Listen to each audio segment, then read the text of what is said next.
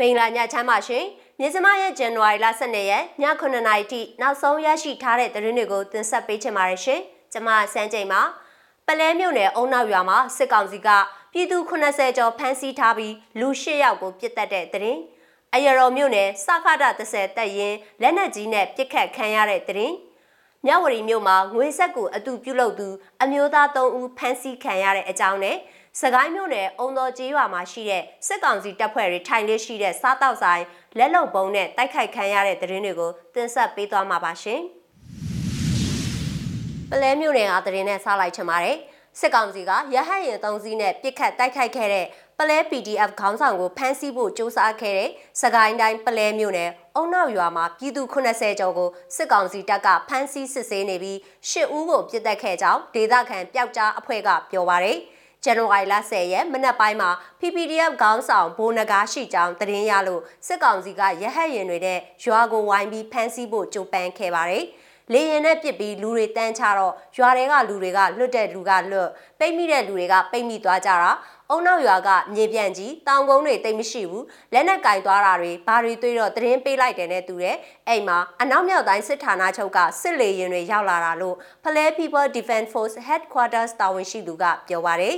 အဲ့ဒီနေ့မှာဘုံနဂါးကိုမတွေ့တဲ့အတွက်ရွာသား80ကျော်ကိုစစ်ကောင်စီကဖမ်းဆီးပြီးတော့ရိုက်နှက်စစ်ဆေးခဲ့တယ်လို့သိရပါတယ်။အဲ့လိုစစ်ဆေးရာဇန်နဝါရီလ10ရက်နေ့ကရွာသား9ဦးကိုတနက်နဲ့ပြစ်တက်ခဲ့ပြီးနောက်ထပ်3ဦးကိုဇန်နဝါရီလ17ရက်ကပြစ်တက်ခဲ့တယ်လို့ Play People Defense Force Headquarters စီကသိရပါတယ်။ အဖမ်းခံရတဲ့အထဲမှာကျွန်တော်တငယ်ချင်းအမေလဲပါတယ်တချို့ရွာသားတွေကအိမ်မှာမနေကြဘူးနွားတင်းကုတ်တို့စပပုံတွေထဲမှာသွားပုံနေကြပြီးလွတ်လာတဲ့လူတွေရှိတယ်ထွက်ပြေးလွတ်မြောက်လာသူတွေပြောတာကတညလုံးရိုက်နှက်စစ်ဆေးတယ်အဝေးကြီးကတော့အတန်တွေကြားနေရတယ်တဲ့သူတို့ကည2နာရီလောက်မှာရွာစုံကနေတိတ်တိတ်စိတ်ထွက်လာပြီးတခြားရွာကိုပြေးပြီးလွတ်လာတာသူတို့ပြောတာကမိဘီဆိုတာနဲ့ကျိုးတုပ်ပြီးရိုက်နှက်စစ်ဆေးတာ အိမ်တအိမ်မီးရှို့ခံရတယ်အိမ်ပိုင်ရှင်ကလည်းအဖမ်းခံရတယ်အိမ်ကိုမီးရှို့တာကလက်နက်တွေတွေ့တယ်ပြီးတော့ PDF ကိုထောက်ပံ့ပါတယ်ဆိုပြီးဖမ်းတာလက်နက်တွေလည်းမိသွားတယ်လို့သူကပြောပါတယ်အဆိုပါရွာကိုစစ်ကောင်စီတပ်စီးနင်းနေတဲ့အချိန်ဇန်နဝါရီလ10ရက်ညနေ3:33မိနစ်ကနေည8:30မိနစ်အထိ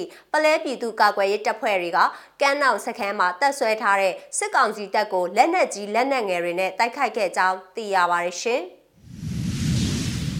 အရတော်မြို့နယ်စခတာ30တက်ရင်လက်နက်ကြီးနဲ့ပစ်ခတ်ခံရတဲ့တဲ့ရင်နဲ့ဆက်ချင်ပါတယ်။စကိုင်းတိုင်းအရတော်မြို့နယ်အရှိတ်ဘက်မှာရှိတဲ့စခတာ30တက်ရင်အတွင်းကိုဒီကနေ့ဇန်နဝါရီလ12ရက်မနက်6နာရီခန့်မှာလက်နက်ကြီးနဲ့၄ချက်ပစ်ခတ်တိုက်ခိုက်ခဲ့ကြောင်းတပြင်းညိုပျောက်ကြားတပ်ဖွဲ့စီကသိရပါဗျ။အဲ့ဒီစခတာ30အရက်အခေါ်အရှိတက်မှာစစ်မှုထမ်းဟောင်းများပြူစောထီးဆိုသူများရဲနဲ့စစ်သားမိသားစုဝင်တွေကိုစစ်တင်တန်းတွေပေးနေလို့တွားရောက်တိုက်ခိုက်ခဲ့တာဖြစ်ကြောင်းသိရပါဗျ။ ရဲစစ်သားပြူစောတိအကုန်ပေါင်းနေတယ်လို့ဖြစ်နေတာသူတို့အင်အားလျော့သွားတဲ့အတွက်စစ်မှုထမ်းဟောင်းတွေပြူတွေကိုခေါ်ပြီးတင်တန်းပေးနေတာရဲနဲ့စစ်သားမယားတွေပါပါတယ်လို့သိရတယ်ဗျအင်အားကတော့100လောက်ရှိမယ်ခံမှန်းရတာပဲအခုကတင်တန်းဆင်းနေတာလို့တပြင်းညိုပျောက်ကြားတပ်ဖွဲ့ဝင်တဦးကပြောပါတယ် လက်နက်ကြီးနဲ့ပစ်ခတ်မှုကြောင့်တပ်ရင်းအရှိတ်ဘက်မှာရှိတဲ့လုံခြုံရေးကင်းတွေကပြန်လည်ပစ်ခတ်မှုတွေရှိပေမဲ့လည်းဒေသခံကာကွယ်ရေးတပ်တွေမှာအထိခိုက်မရှိဘဲပြန်လည်ဆုတ်ခွာနိုင်ခဲ့တယ်လို့ဆိုပါတယ်။အဆိုပါလှုပ်ဆောင်မှုကို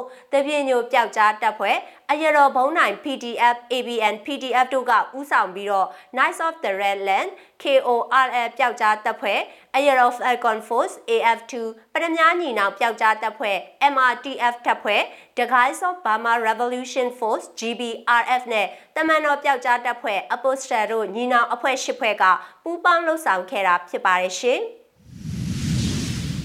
ကရင်ပြည်နယ်မြဝတီမြို့မှာငွေဆက်ကူအတူပြုလုပ်သုံးစွဲနေသူအမျိုးသားသုံးကိုမြဝတီမြို့နယ်ရဲစခန်းကဖမ်းဆီးအရေးယူထားကြောင်းမြို့ခံတွေစီကသိရပါဗျ။အဆိုပါငွေဆက်ကူအတူတွေကိုဇန်နဝါရီလ10ရက်ညနေပိုင်းကမြဝတီမြို့အမှတ်၄ရပ်ကွက်မြစ်တာလမ်းမကြီးနဲ့အေးတာယာလမ်းနောက်မှာရှိတဲ့စားတောက်ဆိုင်မှာငွေဆက်ကူအတူတွေနဲ့လာရောက်စားတောက်နေစဉ်မှာငွေဆက်ကူအတူတွေဖြစ်နေလို့မြဝတီမြို့နယ်ရဲစခန်းကိုအကြောင်းကြားရာကနေလာရောက်ဖမ်းဆီးခံရတာဖြစ်တယ်လို့မြို့ခံတဦးကပြောပါတယ်။။ ဒါပြင်အဲ့ဒီနေ့ညနေ၄နာရီခန့်ကစားတောက်ဆိုင်ရှိမှမြဝတီမြို့နယ်ဇော်လွင်ခေါ်အော်ကြီးအသက်26နှစ်ဟာလွယ်ထားတဲ့အိတ်အတွင်းစစ်ဆေးရာပလတ်စတစ်နဲ့ထုတ်ထားတဲ့တထောင်တန်ငွေစက်ကူအတူ1496ရက်နဲ့အတူထပ်မံဖမ်းဆီးရမိခဲ့တယ်လို့ရဲတပ်ဖွဲ့ကထုတ်ပြန်ထားပါတယ်။အဲ့ဒီနောက် ကွင်းဆက်ဖော်ထုတ်ချက်အရဇော်လွင်ခေါ်အော်ကြီးနေထိုင်တဲ့အောင်ဒီပါလမ်းမှာရှိတဲ့နေအိမ်တန်းလျားရဲ့အခန်းစနစ်ကိုဝင်ရောက်ရှာဖွေရာတတောင်းတန်ငွေဆက်ကူအတူ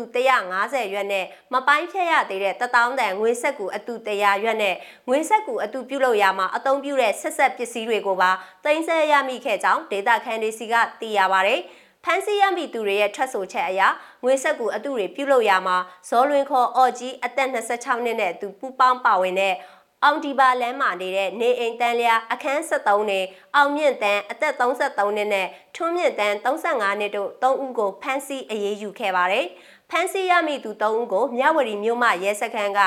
ပါဆောင်15မြင်းဆောင်2020နဲ့ဗဟိုဘဏ်ဥပဒေပုံမှ105 106 100ခွန်အရာအမှုဖွင့်အရေးယူထားပါတယ်ရှင်။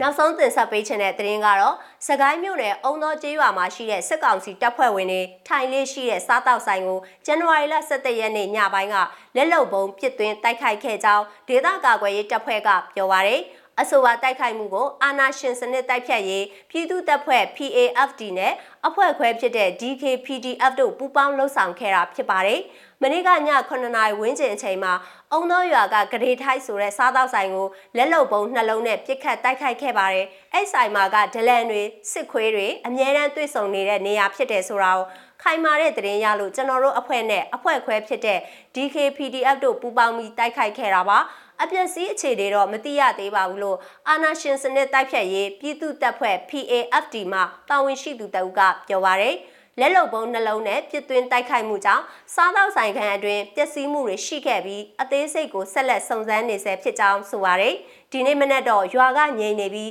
လူသွားလူလာနေပါသွားတယ်ညကလက်လုံပုံနဲ့ပြစ်ခတ်တိုက်ခိုက်ခံရပြီးနောက်သူတို့ကတရွာလုံးကိုမီးတွေဖျက်ပလိုက်တယ်ဆိုင်တွေကနေတော့အော်တန်တွေကြားနေရတယ်လို့ဒေသခံတအုပ်ကပြောပါရယ်ရှင် မြစမရဲ့ဇန်နဝါရီလ12ရက်ည9:00နာရီထိနောက်ဆုံးရရှိထားတဲ့သတင်းတွေကိုတင်ဆက်ပေးခဲ့တာပါကြည့်ရှုအားပေးတဲ့အတွက်ကျေးဇူးအထူးတင်ရှိပါတယ်မြန်မာပြည်သူတွေဘေးရန်တဲ့အပေါင်းကကင်းဝေးကြပါစေရှင်